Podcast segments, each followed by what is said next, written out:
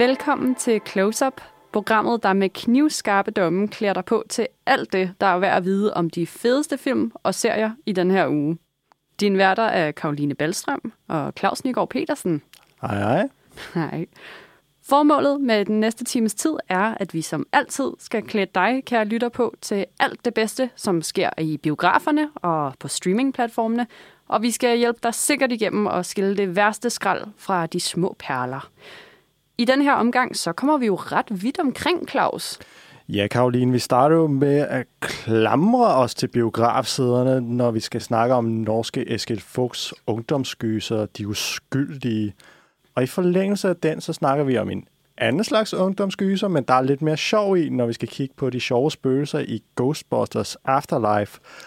Og spørgsmålet er, om den kan andet end bare være fanservice til alle dem, som havde 2016-udgaven med Melissa McCarthy og Kristen Wiig. Det må vi personligt håbe, at den kan. Derudover så skal vi jo også runde noget, som jeg må sige, jeg har glædet mig helt enormt meget til. Vi skal kigge på Amazon Prime Videos stort anlagte fantasyprojekt The Wheel of Time, hvor vi skal tale med skaberen af serien Rafe Judkins. Uh. Ja. Og endelig så slutter vi jo også af med at snakke om, jeg tør godt sige det allerede nu, en af de bedste musicals, vi nogensinde har set. Den handler om Broadway-legenden Jonathan Larson, der døde i en alt for tidlig alder. Filmen hedder Tick Tick Boom og er baseret på hans one-man-show. Instruktøren af denne udgave er ingen ringer end Lin-Manuel Miranda, hvis navn folk måske kender fra Hamilton. Jeg kan slet ikke styre mig på den her. Det bliver noget af en finale på den her episode. Ja, ja, vi mangler bare en romcom, og så har vi dækket alle genrer. Men først, så øh, ja, skal det jo stå lidt i uhyggens tegn. Vi lægger ud med Eskil Vogts De Uskyldige, som jo allerede er en festival darling. Det er øh, norsk uhygge af højeste kaliber, kan vi godt afsløre. Ja, det er som sagt sædeklamrende scener, vi skal være vidne til, og vi får en lille smagsprøve på det her i den lille trailerklip, som vi lige skal starte med for ligesom at sætte scenen for, hvad det er, vi skal i gang med.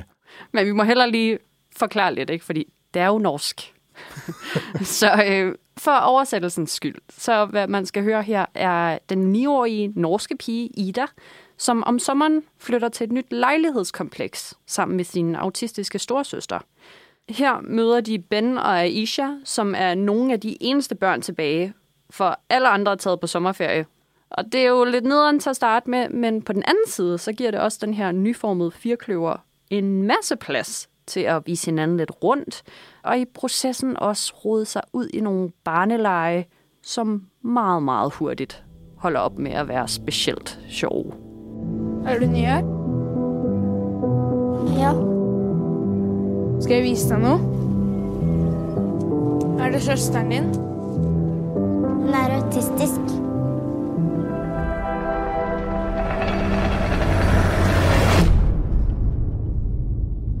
Mamma, hva gjør man hvis noen er slemme?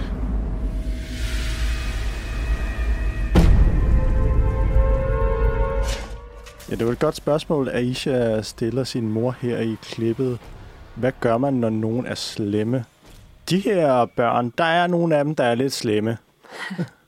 Ja, men er de nu også det? Det er jo bare børn. Ja, de er fucking slemme.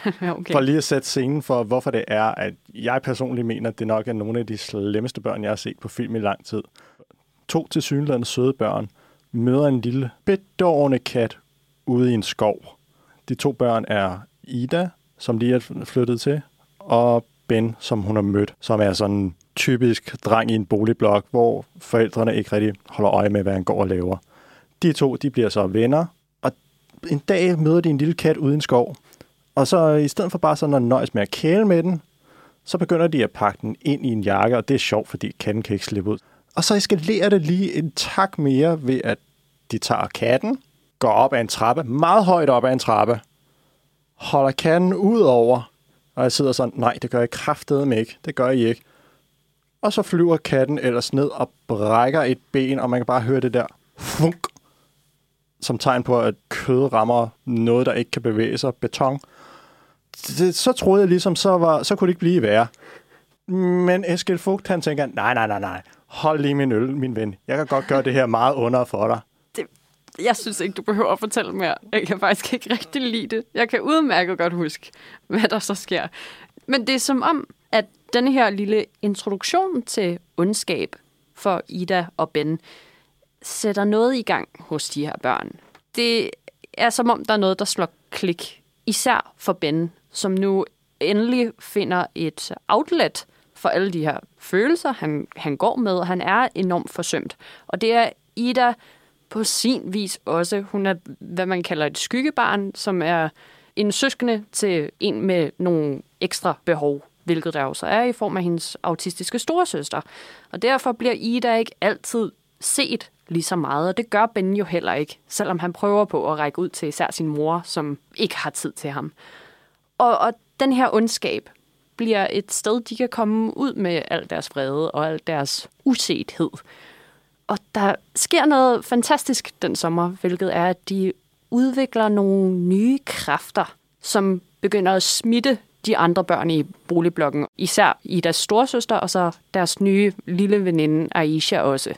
Ja, det er en pussy ting, fordi man skulle tænke, Ben han virker til at være lidt ældre end de andre, og Anna, Idas storesøster, er tydeligvis ældre end de andre, så man kunne tænke sådan, det er måske noget præpubertært, øh, X-Men-agtigt, men når du kommer ind i puberteten, så blomstrer din seksualitet, og så åbner sig en helt ny verden på den måde.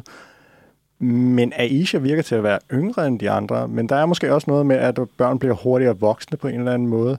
Det er måske det, der er en af tematikkerne med, at de på en måde er nødt til at blive voksne, før de har lyst til at være det. Men det er interessant, hvordan de i sammensmeltning med hinanden forstærker hinandens kræfter. Ben han har stærke telepatiske kræfter. Det har Anna også. Og det pussy er, på trods af, at hun ikke har noget sprog, så er der en kraftig intern kommunikation i hende, og den eneste, der kan høre, hvad der er, der foregår inde i hende, det er Isha, som igen kan præge hende til også at udvikle sit sprog, som lige pludselig kan tale. Og den eneste, der jo ligesom går glip her, er egentlig Ida, altså Annas lille søster. Og hun har det jo egentlig okay med det. Det er som om, hun er egentlig bare er tilfreds med, at der endelig sker noget, og at der er en smule gang i den. Enormt meget af filmen er jo set fra børnenes vinkel. Øh, alene det, at vi ligesom ser de to søstre ankomme til den her nye boligblok, hele de første 10 minutter af filmen er, er beskåret, sådan så at når du ser en voksen i billedet også, så, så ser du maven af dem, ikke? For det er ligesom i den højde, hvor Idas og Annas hoveder er. Så på den måde er det jo meget en film i børnehøjde. Netop det, du siger med beskæringen, og hvordan du ser, hvordan det hele er filmet i børnehøjde, det er jo fremragende, og der må jeg jo lige give en gave til Sturla Brand Grøvlen, som blandt andet har filmet øh, Thomas Winterbergs Druk, men også øh, Wendy, den her sådan lidt øh, sjove ungdomsfilm, der blev, var en slags øh, Peter Pan-myte på en måde, hvor vi også igen er nede i det her børnehøjde her, og det er noget af den her teknik, som han også bærer ind her med at være hernede, hvor vi ser tingene. Vi kommer ikke så tit op. Altså, hvis vi ser de voksne, så er det tit, vi sådan kigger op på dem med kameraet, og det er med til at fastholde den her følelse med, at vi er nede i børnehøjde, vi ser tingene fra børnene af. Men en film er jo også andet end blot den visuelle side, der er jo også en lydside, som jo også virkelig kan noget, især i gysergenren. Der, er der bliver der jo virkelig kælet for detaljerne, fordi vi skal jo kunne høre, når en knogle, der brækker, den lyder ikke bare sådan klunk hurtigt, det er bare sådan brutal lang knasen. ja, der er en øh, Foley-artist, altså en, der laver ekstra overdreven lyd til filmen, som er ind over her. Og det er faktisk lidt af en dansk darling også. Han er øh, fast partner med den kære Peter Albrechtsen, som jo er vores største lyddesigner herinde. Men øh, ja, folieartisten er Hiki Kosi, som jo er Peters wingman. Og den er bare ond i den her omgang. For der er nogle lyde, du ikke har lyst til at høre, og der må vi sige, at Hiki har været lidt for opfindsom til min smag. Fy for fanden, hvor er det en nasty omgang, det her. Men hvad jeg måske må sige, er, at den trailer, vi hører her, lyder jo enormt skræmmende. Og man kunne forestille sig, at der øh, springer monstre og overnaturlige elementer frem. Og det gør der jo ikke. Det er jo en forholdsvis rolig gyserfilm. Ja, det, det. er det en thrillerfilm, eller er det en gyserfilm? Den bliver holdt meget lukket. Vi er kun på de her fire børn, som er vores primære karakterer, som vi følger rundt, og det er også dem, der sådan primært kæmper kampe mod hinanden, men netop fordi vi er så lukket på børnene, så kommer man også til at tænke på en anden børnegøser, der kom for nogle år siden, Thomas Alfredsons Lad den rette komme ind. Så er det spørgsmålet jo, at det her bare Lad den rette komme ind på norsk? Det er ikke det samme overhovedet. Alene actionniveauet er et helt andet, hvor den her er mere eftertænksom, så lad den rette komme ind, øh, laver enormt meget af sin historiefortælling også igennem actionsekvenserne, og her er det meget mere på børnene og deres interne dialoger, men også i det hele taget bare lade børnene sidde for sig selv og dreje på et grydelåg og få lidt øh, sjov ud af det, kan også være en historie for sig. Er det mere en psykologisk gyser, det her, frem for at lade den rette komme ind, som måske er en lidt mere eksplicit, klassisk øh, vampyr, alt når vi bider, så er det noget med sex på en eller anden måde. Spirende seksualitet, øh, klassisk gyser i den forstand. Meget. Og vi er over i semi-slow cinema her, ikke? Det er derfor, jeg er bange for, at mange vil blive snydt en smule, og også af den her enormt freaky trailer, som lyder afsindigt godt, og som afspejler filmen rigtig fint, men jeg kunne være bekymret for, at folk går ind til den her med nogle forkerte forventninger. Ja, og når vi siger slow cinema, så er det det her med, at tingene de udfolder sig langsomt. Vi, er sådan, vi tænder en, lunde, som går meget, meget lang tid, før det begynder at blive kritisk til, at bomben den skal til at springe. Altså, det svarer ligesom til at... Enten så kan du deep fry noget, ikke? På 30 sekunder, eller også så kan du lave en ossobuco, som tager fire timer. Altså, det, det er det samme. Det er cirka det samme. De uskyldige er en ossobuco. Ja, ja, og det, begge dele smager lige froderen, men nogen gider måske bare ikke at vente så lang tid på et payoff, som heller ikke er så ekstremt klimatisk, som man måske kunne tro, det ville blive. Men mm. det kommer jo an på, hvad man ser den for. Ser man den for øh, horroren og de skræmmende elementer, eller ser man det for historiefortællingen som en helhed, og for børnenes præstationer også, fordi vi må sige, at det er nogle syge børneskuespillere, Eskild har fået fat i. Ja, og netop på grund af de fremragende præstationer fra Raquel Leonor Flotum som Ida, og især som Ashraf som Ben, det er noget, der gør, at jeg synes, for mig så er det en af de mest øh, grusomme film, jeg har set i lang tid. For netop fordi børneskuespillet, det er så fremragende godt, og der er så meget fokus på de indre følelser. Måske ikke så meget den eksplicite vold, som kommer ud af det, men jeg føler virkelig, at jeg bliver bange, og jeg føler også med dem, på trods af, at de gør nogle virkelig brutale ting. Så derfor er jeg meget, meget begejstret for den her film. Nok også mere end dig. Ja, jeg tror, jeg så den gå i en anden retning, end den gjorde. Jeg, jeg kan godt lide, at mod slut begynder de voksne også at blive mere inkluderet. Men jeg synes også, det sætter helt klart nogle spændende tanker i gang omkring, hvor langt man skal lade børn gå. Og hele den dialog, du bare har over spisebordet med, hvad har du lavet i dag? Nå, jeg har ikke rigtig lavet noget. Vi har bare været ude og lege hvor man får lyst til at ruske i de voksne og sige, spørg dog lidt mere ind. Når jeg også tænker på, hvor mange gange man selv som barn er sluppet afsted med sådan et svar, så løber det mig koldt ned ad ryggen. Råd til kommende forældre, antag, at dit barn lyver lige meget, hvad det siger. Hvis du skulle give nogle stjerner til den her, hvad vil du så give? Jeg er ude på store fire stjerner, for jeg synes, den er enormt imponerende. Men jeg føler ikke, at den er ikonisk nok til at ramme, lad den rette komme ind. Og jeg synes, der går nogle muligheder tabt, hvor jeg godt kunne se den gå endnu længere. Jeg føler mig følelsesmæssigt drænet stadigvæk her et godt stykke tid efter at have set den. Men du kan også bedre lide børn, end jeg kan. Ja, det er også det. Øh, og børn, der gør brutale ting, det rammer mig meget hårdt. Så jeg kaster meget, meget store øh, fem stjerner efter de uskyldige.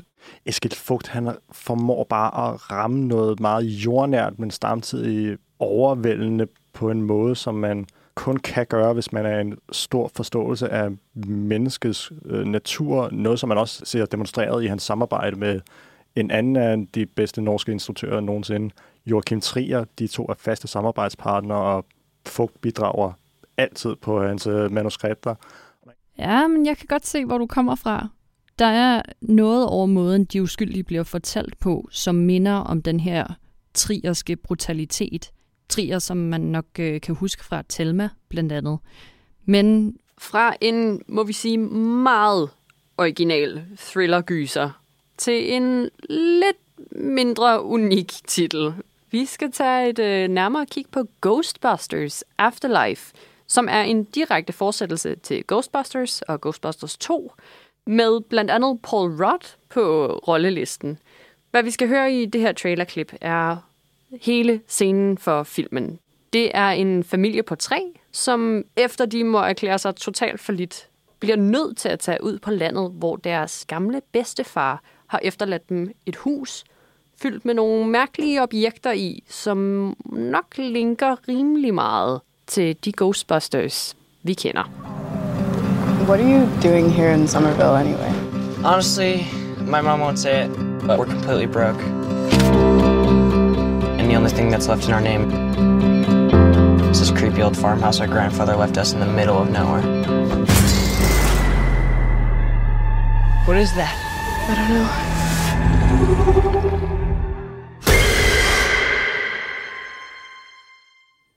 Jeg må ærligt erklære, at jeg er ikke den største Ghostbuster-fan. Men øh, heldigvis, så har jeg jo nogen, jeg kan ringe til. Mig!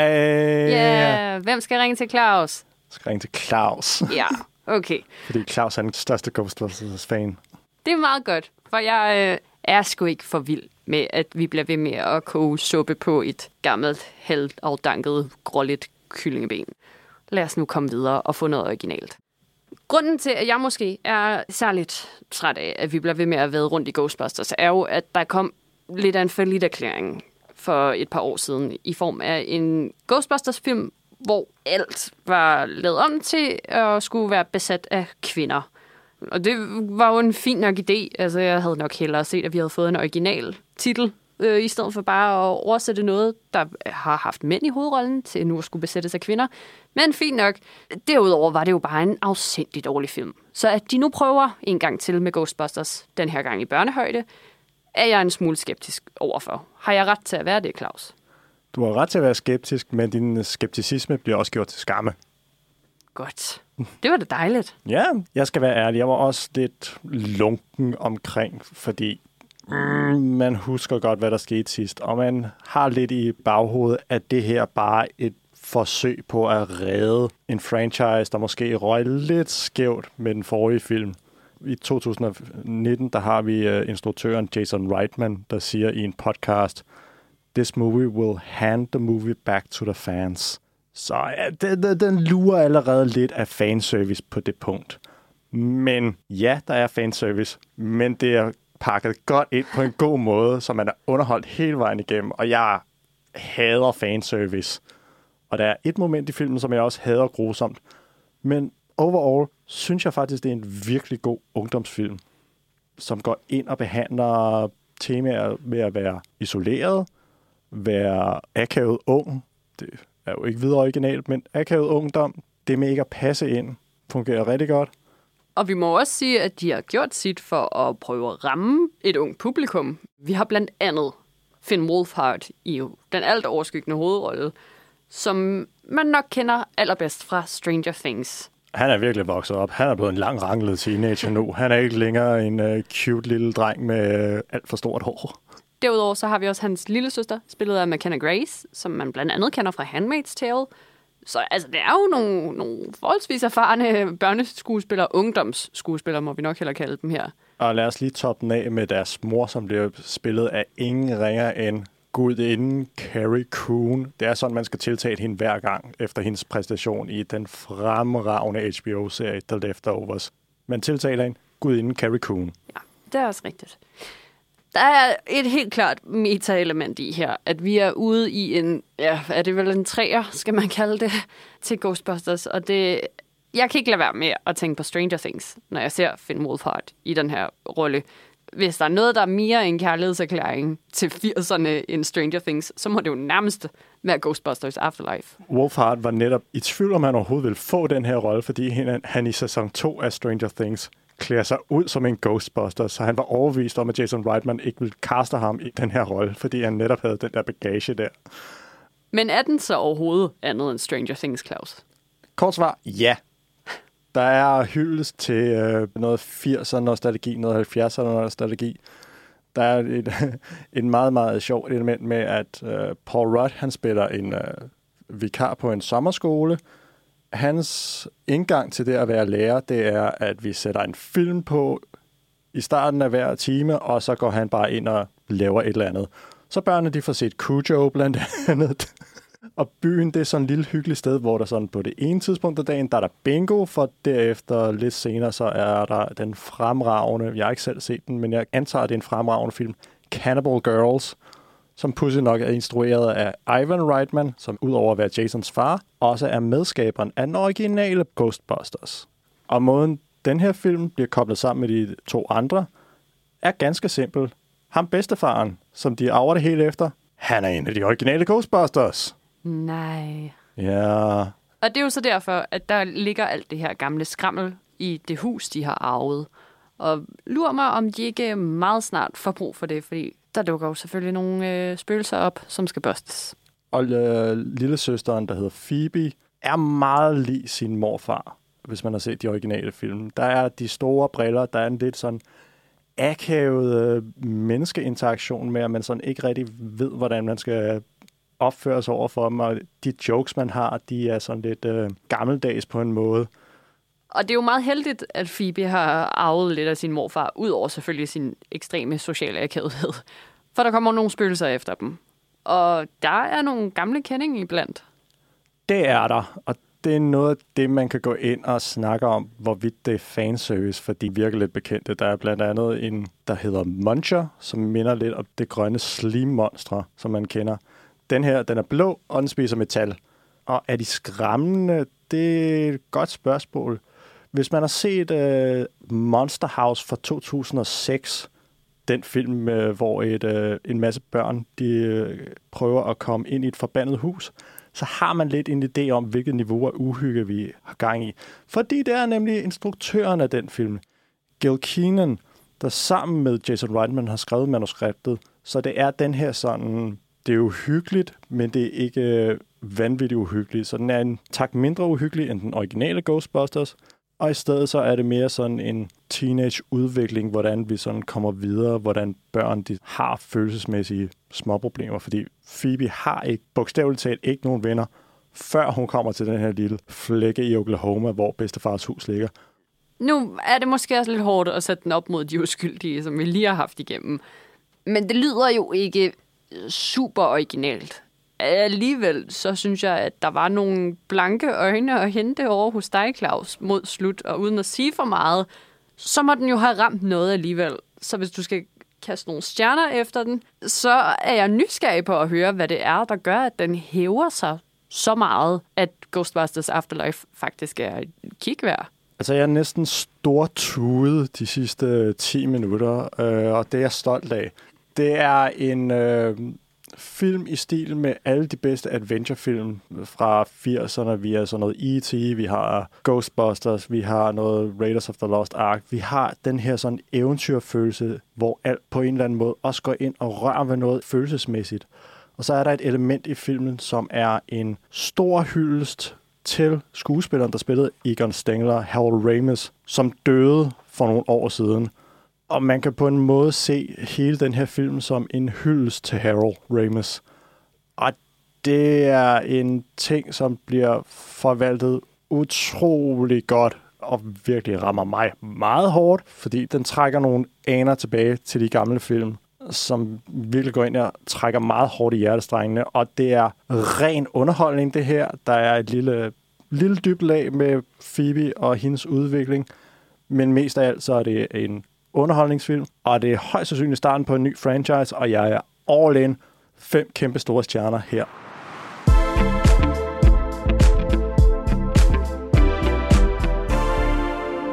Jamen altså, så koger vi da lidt mere suppe på den. Det er godt, du er glad, Claus. Det, det er jeg glad for.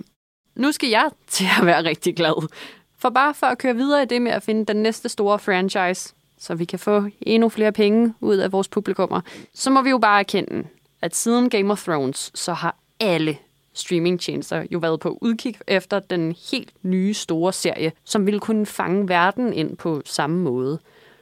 Og med den her serie, som vi skal til at tale om nu, så har Amazon Prime nok fået fat i et af de bedste materialer, de kunne få fat i, nemlig en elsket fantasy-bogserie, som har solgt millioner af kopier verden Jeg over. ved, hvad du snakker om. Ringenes Herre. Nej, det er ikke Ringnes Herre.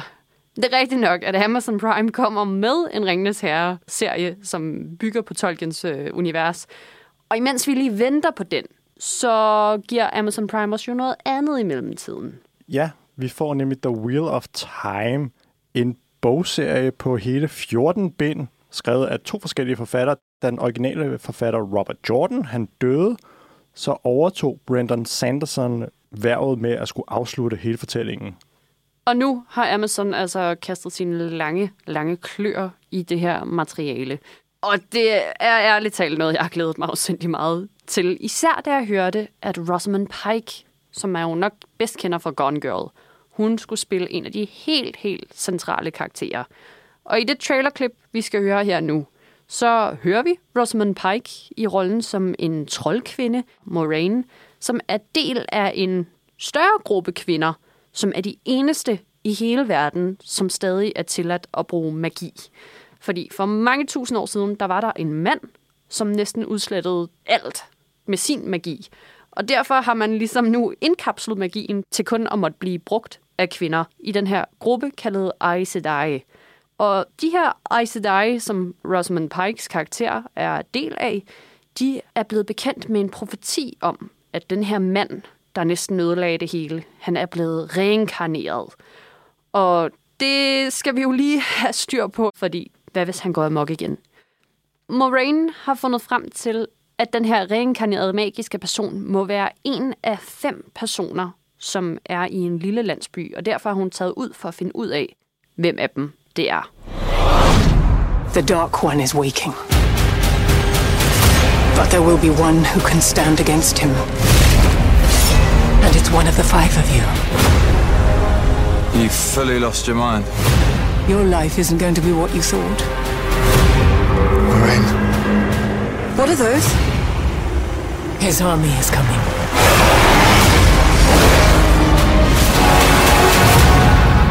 The wheel weaves as the wheel wills. Klaus, er du øh, vågen endnu? Det lød meget, meget som øh, en øh, trailer til øh, Ringenes Herre. He's awaken again. Okay, Sauron, jeg er klar. Ja.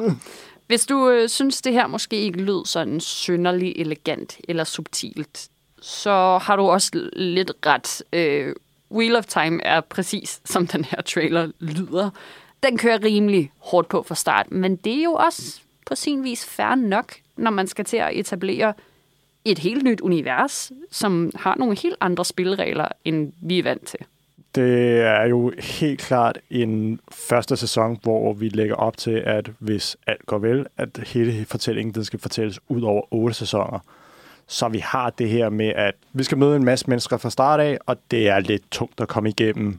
Men der er heldigvis det her lettere fantasy-element, som man jo må støtte sig til, som ligesom er en gennemgående tråd. For godt nok er der afsindig mange karakterer i gang, som vi heller ikke nødvendigvis skal bruge til noget lige nu. Men derfor er det jo stadig ret spændende at høre om hele den her verden, som er konstrueret omkring et koncept, kaldet The Wheel of Time, som ser tid som selvfølgelig ikke en lineær størrelse, men et stort ur, der mm, nærmest går lidt igen. Alting kan potentielt vende tilbage og vil også gøre det. Der er, er rigtig mange meget smukke idéer omkring reinkarnation og karma i spil, og det gør også, at der optræder nogle meget idealistiske karakterer. Fordi hvad du gør nu, vil få betydning længere hen ad vejen, når The Wheel of Time slår de rigtige slag igen, og så videre, og så videre. Hvis man har set Cloud Atlas, er det lidt den samme vibe, at man ved aldrig helt rigtigt, hvor vi er henne på uret. For godt nok er vi i et fantasy-univers lige nu, men der står også nogle mærkelige skyskrabere i baggrunden, og der ligger noget splintret glas og nogle store metalkonstruktioner, og at det der er en gammel romersk bro, og alting er viklet sammen på en måde, vi overhovedet ikke begynder at pille op i endnu. For en, øh, en, der overhovedet ikke kender noget til universet, og generelt måske ikke er så meget inde i fantasy, så følte jeg mig lidt fremmedgjort, fordi det er en meget, meget hård indgang. Der er jo naturligvis den obligatoriske This is the Wheel of Time, sådan en forklaring i starten af første afsnit, og vi møder alt de her folk her, som giver mange lange forklaringer for at sætte universet op. Men jeg føler ikke rigtigt, jeg er 100% med på, hvad det er, der egentlig kommer til at ske her. Hvad vi skal bruge det til. Jeg ved ikke rigtigt, hvorfor jeg synes, serien er relevant. Så er det jo voldsomt heldigt, Claus, at jeg har talt med skaberen af serien, som kan give dig de her svar. Yes! ja, det var heldigt. For hvem bedre til at fortælle, hvorfor det rent faktisk er, at vi skal bruge en ny stor fantasy-serie lige nu, imens vi jo i virkeligheden bare venter på den nye Ringenes Herre-serie. Inden Rafe Judkins, som har været på The Wheel of Time i afsindig mange år efterhånden, når vi snakker tv-verdenen. Rafe er ikke synderligt etableret ud over The Wheel of Time, men han har godt nok nogle rimelig spændende ting i fremtidskikkerten. Blandt andet Uncharted med Tom Holland i hovedrollen, altså en filmatisering af det her meget elskede spil. Så at hive fat i elsket materiale er noget Rafe om nogen kender til. it was almost i think exactly this week three years ago we started the writers room on wheel of time in los angeles uh, and then started shooting in 2019 so for all of us really it's been um, a years long process leading up to the premiere this week. You must be very pleased that it's finally coming out then. Um, but can you tell us a bit about why the wheel of time is relevant as a fantasy series one of the wonderful things about the Wheel of Time as a series is that it really, you know, it's been so successful for 30 years because it is timeless in many ways. It really continues to show relevancy, continues to have you know characters and themes that that people relate to. And so i think one of the great things about it is you know even though the world's a very different place in 2021 than it was in 2018 the themes of this this book series and this tv show are still uh, continuously relevant. Wheel of time is one of the great pillars of of fantasy literature. You know with 90 million books sold it's one of the top selling fantasies of all time you know outside of I, th- I think just lord of the rings and harry potter. Um, so this is a huge piece of of fantasy history that is, is finally being brought to television usually I find things that are so um, important and hit with so many different people have these themes that are timeless and and not really tied to something so specific as as some of the other um, fantasy series are. The book series The Wheel of Time was first published in the 1990s, and now it's 2021, and our perception of gender has changed quite a bit in this period of time. Can you tell me a bit more about your relationship to this very direct divide between the genders where females are allowed to possess magical powers and males are specifically restricted from wielding it? Yeah, one thing I really love um, about the Wheel of Time is is in the world of it. Um, really, only women can use magic or what they call the one power, um, and so it's created this this whole world where women are in power naturally because of their gender. So often in fantasy stuff, we see women who are empowered despite their gender um, and it's sort of you know it's like there's the mean king the smart king the ruthless king and then there's the the queen. And she was able to be you know like her defining characteristic is that she is a woman. And i think that one thing that's great about wheel of time is that uh, you see such a multiplicity of women in power and and they show their power in different ways. And and you have such a, a variety of characters who are women who have power. And and so that's really exciting to look at as an adaptation and one thing that i really responded to um, in the books and that you you can already tell is connecting with people in the tv show sure you're quite busy, Rafe. You're already in Prague to finish the second season of a show that's not even out yet. Yes, yes. So we're already in Prague um, shooting season two of Wheel of Time um, and about halfway through it. We are so happy that the network um, has enough faith in us to, to already be making the second season of the show. Um, but it is, you know, it's it's a, a lot to handle to be to be handling post and and, and premiere of the first season and um, production of the second season simultaneously but it also it feels kind of natural in a way of um, all this stuff that we're working on in season two, seeing season one come out. I think um, we all feel really ready for it. It doesn't feel, sometimes you can feel like, oh, my precious baby is going out to the world. But I'm not ready for it to be seen. But I think because we're so far into season two for all of us, it's, it's just exciting that people can finally start to see what we're doing. It must be very special to write a series in this way. Uh, I hope you don't accidentally kill off a fan favorite because you're not even able to respond to the new fans of this series. No, exactly, which is sort of, you know, like it's a blessing and a curse. You just have to take it for what it is. And, um, you know, we're lucky that we have the books uh, to rely on. So they're already our fan favorites um, from the books that we know of. And I'm sure that some of the actors are going to pop in a huge way from the show um, as well. And, and some of them will survive and some of them will die. And only, only time will tell which is which. well, thank you, Rafe. And thank you for talking to us.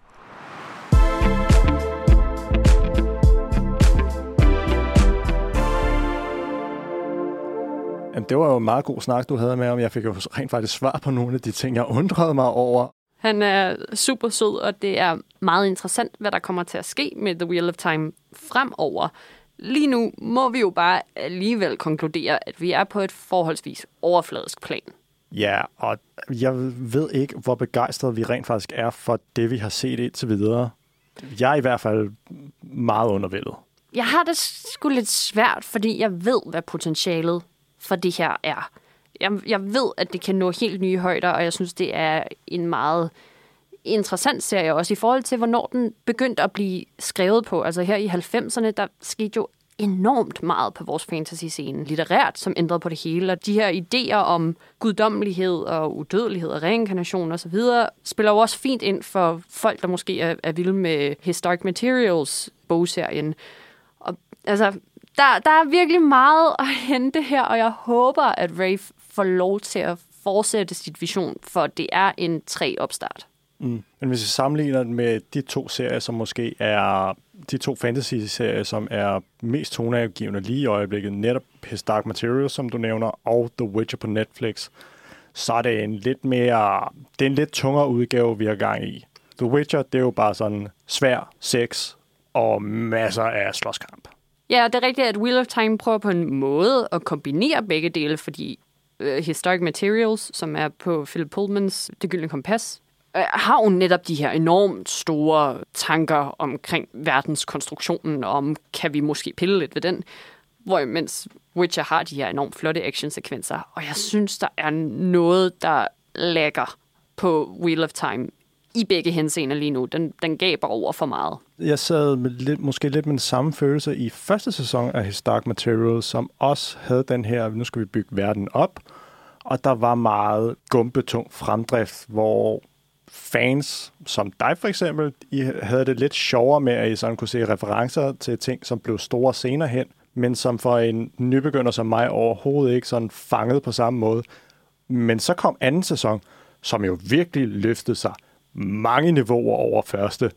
Og kunne det være noget af det samme, der kommer til at ske her? Fuldstændig. Det er en spejling af Historic Materials oplevelsen, at man som fan udmærket godt ved, at det her kommer højst sandsynligvis til at være det værd. Og det er også fair, at ting skal finde sin tone, og jeg synes faktisk, det er en rigtig flot filmatisering i forhold til det originale materiale, der er, for der er lige godt meget at tage fat på. Og jeg synes også, at castingen er fin. Rosamund Pike har den her overjordiske fornemmelse over, over sig. Altså, hun er, hun er perfekt i rollen som den her Aes Sedai. Så lad os nu bare lige, lad os give den lidt tid, Claus. Trust me on this one. Det skal nok være det værd. Et par hurtige stjerner for dig? Um, et par positive tre stjerner. Positive tre stjerner. Jeg er optimistiske to stjerner. Jeg er, jeg, jeg er benhård. Jeg synes ikke, den var min tid værd den her gang. Men der er bare noget, der slet ikke fungerer i den her historie, måden historien bliver fortalt på. Rosamund Pike er simpelthen for stort et navn i forhold til alle andre. Det er svært ikke at se skuespilleren, når hun er det uden sammenligning allerstørste navn, der overhovedet er på hele castet. Hun stikker så meget ud, at det faktisk bliver distraherende desværre. Nej, men det er smukt. Det er fordi, hun skal være den her Galadriel-type. Altså, hun skal være otherworldly. bare stol på mig, Claus. Vent til, at The Wheel of Time står øh, i den rigtige konstruktion for dig, og du vil se meningen med det hele.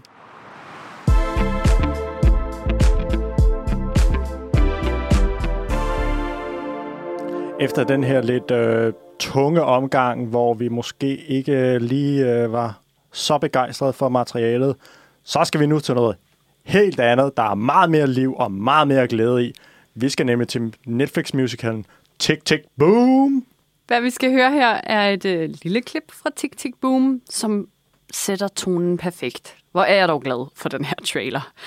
Det er øh, Andrew Garfield, som man måske kender fra Spider-Man, eller fra The Social Network, i hovedrollen i Tick Tick Boom, som er den helt, helt store Oscar-kandidat i 2022. Det må vi jo bare erkende.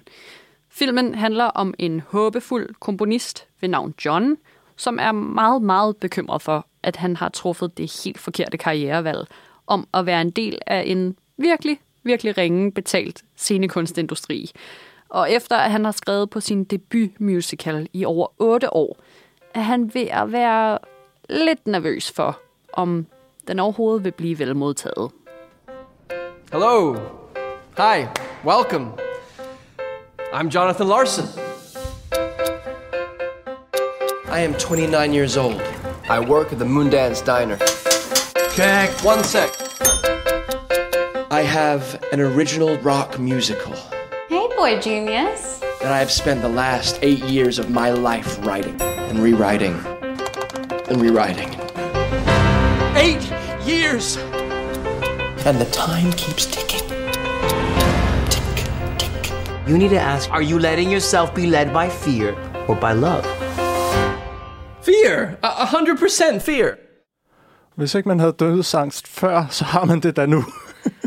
Ja, for øh, tiden den går rigtig, rigtig stærkt. Især hvis man er kunstner og endnu ikke har fået succes, og ens 30-års fødselsdag er på søndag. Og alle dem, som han sammenligner sig med, de havde kæmpe succeser, før de blev 30. Tick Tick Boom er en selvbiografisk musical, som nu er blevet adopteret til en Netflix-film. Og den her originale musical er skrevet af den amerikanske komponist Jonathan Larson, som er ekstremt kendt for sin Pulitzer- og Tony-vindende musical Rent, som blev en gigantisk succes lige efter hans død. Han døde faktisk natten før premieren på Rent, så han nåede ikke at opleve den gigantiske succes. Og som kort nævnt, så handler Tick Tick Boom om en anden komponist, John, som bor i New York City i 1990'erne, som frygter meget for sin karriere op til lanceringen af sin første musical. Og den her historie er ekstremt selvbiografisk, fordi Larson, som har skrevet musicalen om John, havde en komplet spejling af det her. Han forsøgte ligesom at etablere sig inden for teateret som komponist og som tekstforfatter lige siden altså slutningen af 80'erne. Så Tick Tick Boom handler i virkeligheden om Larsen, der skriver om sig selv. Super meta. Kæmpe meta. Ja, og også lidt svært at forklare, øh, men når man ser filmen, så giver det utrolig meget mening. Det handler bare om en fyr, der skriver om sig selv. Ja, og der findes vel næppe nogen mere passende til at filmatisere det her, end netop Lin. Det må man nok sige. Han er, udover at være en kæmpestor musical-fanatiker selv, så er han jo indbegrebet af Jonathan Larsens ungdomsskæbne. Øh, han kender til det med at skrive musicals og sidde og vente og frygte, om den nu bliver taget godt imod, eller om den falder fuldstændig til jorden. Men derudover så må vi også bare sige, at Lynn, som jo har skrevet Hamilton, nok en af de mest revolutionerende musicals, står side om side med Jonathan Larson. De har så identisk et succesmønster. Ja, der var jo lige trailerbiden, hvor det bliver sat, hey boy genius, det er jo lidt Lin, vi så også taler om et eller andet sted der. Det er det. Og netop også fordi Lynn er så dybt inde i den her teaterindustri. Altså, Lynn har opkaldt sin søn efter Sebastian, fordi han elsker den lille havfrus sidekick, fordi han er forelsket i Disney-musikken. Lynn er så dybt inde i det her, at man kunne godt frygte, at måske man dårligt nok forstår, hvad der foregår, fordi det kunne blive så internt. Er det en film kun for teaternørder, eller kan man som udforstående også være med? Det er en utrolig flot debut fra Lin-Manuel Miranda, fordi jeg forstår, hvad der sker hele vejen igennem. Men igen er jeg jo også forudtaget, fordi jeg forstår det her univers rigtig godt, og jeg forstår alle musical-referencerne, og jeg elsker det. Spørgsmålet er jo, om du, Claus, har den samme opfattelse af det her, at bliver man sat fuldstændig af, hvis man ikke ved, hvem Jonathan Larson er? Jeg anede ikke, hvem Jonathan Larson var, og jeg er ikke på samme måde lige så stor musical-fan som dig, men jeg så en fantastisk film, som rev mig fuldstændig ind med netop brugen af sange som et fortælleinstrument, og ikke bare sådan store prom og pragt scenerier, som lige skal føres videre til den næste del af historien. Små pauseelementer, kan man kalde dem. Det her, der er de hver eneste sang en integral del af historien, for at vi kan komme et stykke videre. Det er også fordi Tick Tick Boom-filmen er en, en mærkelig blanding af to store musical-genre. Enten så kan du have en musical, der omhandler at øh, for eksempel til High School Musical. Der har de en bestemt performance, det store forårsopsætning, som skal fremvises for alle eleverne, og derfor er der en masse træning på scenen, hvor de står og synger sammen, og de øver sig i øvelokalet og sådan noget. Det er ligesom frontstage musical-genren, hvor man kan fremvise noget for et publikum, som er bevidst om, at de ser en musical. Og så er der backstage musicalen, som er det, hvor folk bare pludselig bryder ud i sang, og ingen synes, det er mærkeligt, at nogen begynder at Singing in the Rain-style danse rundt på gaden, fordi det er jo i virkeligheden bare en metafor for glæde eller noget af den stil. Og Tick Tick Boom er et super funky mix mellem backstage og frontstage musicalen, hvor man bliver enormt meget i tvivl om, hvad er øh, sang, og hvad er et mere fantastisk lag? Hvad, hvad er virkelighed, og hvad er ikke? Og det bliver også understøttet af, at Jonathan har rigtig mange vildt søde venner, som også er mega kunstneriske. Altså det er virkelig det her bohemian life. Og der kan man jo godt bare bryde ud i sang til en fest nogle gange, uden at det er mærkeligt. Men er det så en sang, der foregår i virkeligheden, eller er det noget, de forestiller sig, fordi de har det så hyggeligt sammen? Det bliver enormt udvisket. Der er heldigvis en øh, dejlig karakter, som en eller anden sted afspejler mig på en måde. Sådan lidt en øh, udforstående, der kommer ind, intet har med det her musical-miljø at gøre, og sidder i en sofa og overvejer, at hele festen på nær ham bare udbryder i sang, og han sidder bare tilbage sådan, åh ja, det var fedt. Og så får man sådan en lille god pejlemærke på, at det her, det var sådan noget, der skete rigtigt, men også er en del af historien, selvom vi måske ikke er bevidste om det lige i øjeblikket, hvor det sker. Ja, men det er også, fordi han bliver et rigtig flot anker på, hvad der er virkeligt. Og det er jo her, vi igen også må give et nik til Lin-Manuel Miranda, som udmærket er klar over, at han er i gang med at navigere imellem to virkelig store kategorier af musicals. Frontstage og backstage. Og han ved, at hans publikum ikke alle sammen nødvendigvis har styr på præcis, hvad der foregår. Men der er også nogle gange, hvor det presser Lin rigtig meget at skulle have alle med. For eksempel er der en stor karakter, som er en virkelig person, som hedder Steven Sondheim, som er en kæmpe amerikansk komponist, som alle i Tick Tick Boom forguder. Altså, han, er, han står bag øh, teksterne til øh, West Side Story, han har lavet Into the Woods, Sweeney Todd. Han er bare en gudfar inden for musicalen, og han spiller også en stor rolle, og hvordan får man det vist for folk, der er, som dig, Claus, ikke ved bedre? Det gør man jo ved at få de andre karakterer til at reagere på ham. At de visker, når han kommer ind i lokalet, og at de nærmest giver lidt plads fysisk omkring ham. Det er så flot fremvist, at selvom man ikke forstår noget, så forstår man betydningen af det. En person, vi også lige er nødt til at nævne, som jo gør, at man også bliver fuldstændig draget ind i det her, det er jo Andrew Garfield i den alt dominerende hovedrolle som Jonathan. Han er jo fantastisk.